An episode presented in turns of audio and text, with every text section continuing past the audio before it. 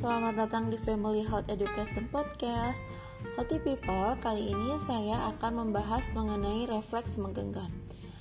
Saat baru lahir, bayi sudah memiliki berbagai refleks bawaan. Salah satunya adalah setiap bayi memiliki refleks menggenggam. Ini mungkin salah satu gerakan tak sadar dan termanis yang diperlihatkan bayi. Refleks menggenggam memungkinkan bayi yang baru lahir meraih jari dan memegangnya erat-erat.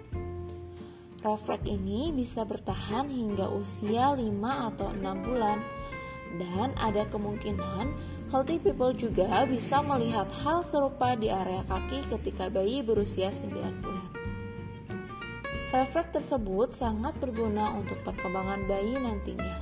Misalnya, mendukung perkembangan motorik saat memindah-mindahkan mainan dari satu tangan ke tangan lainnya. Saat bayi menunjukkan refleks menggenggam, apakah healthy people merasa senang seperti bayi tidak ingin ditinggalkan? Nikmatilah momen indah tersebut ya healthy people.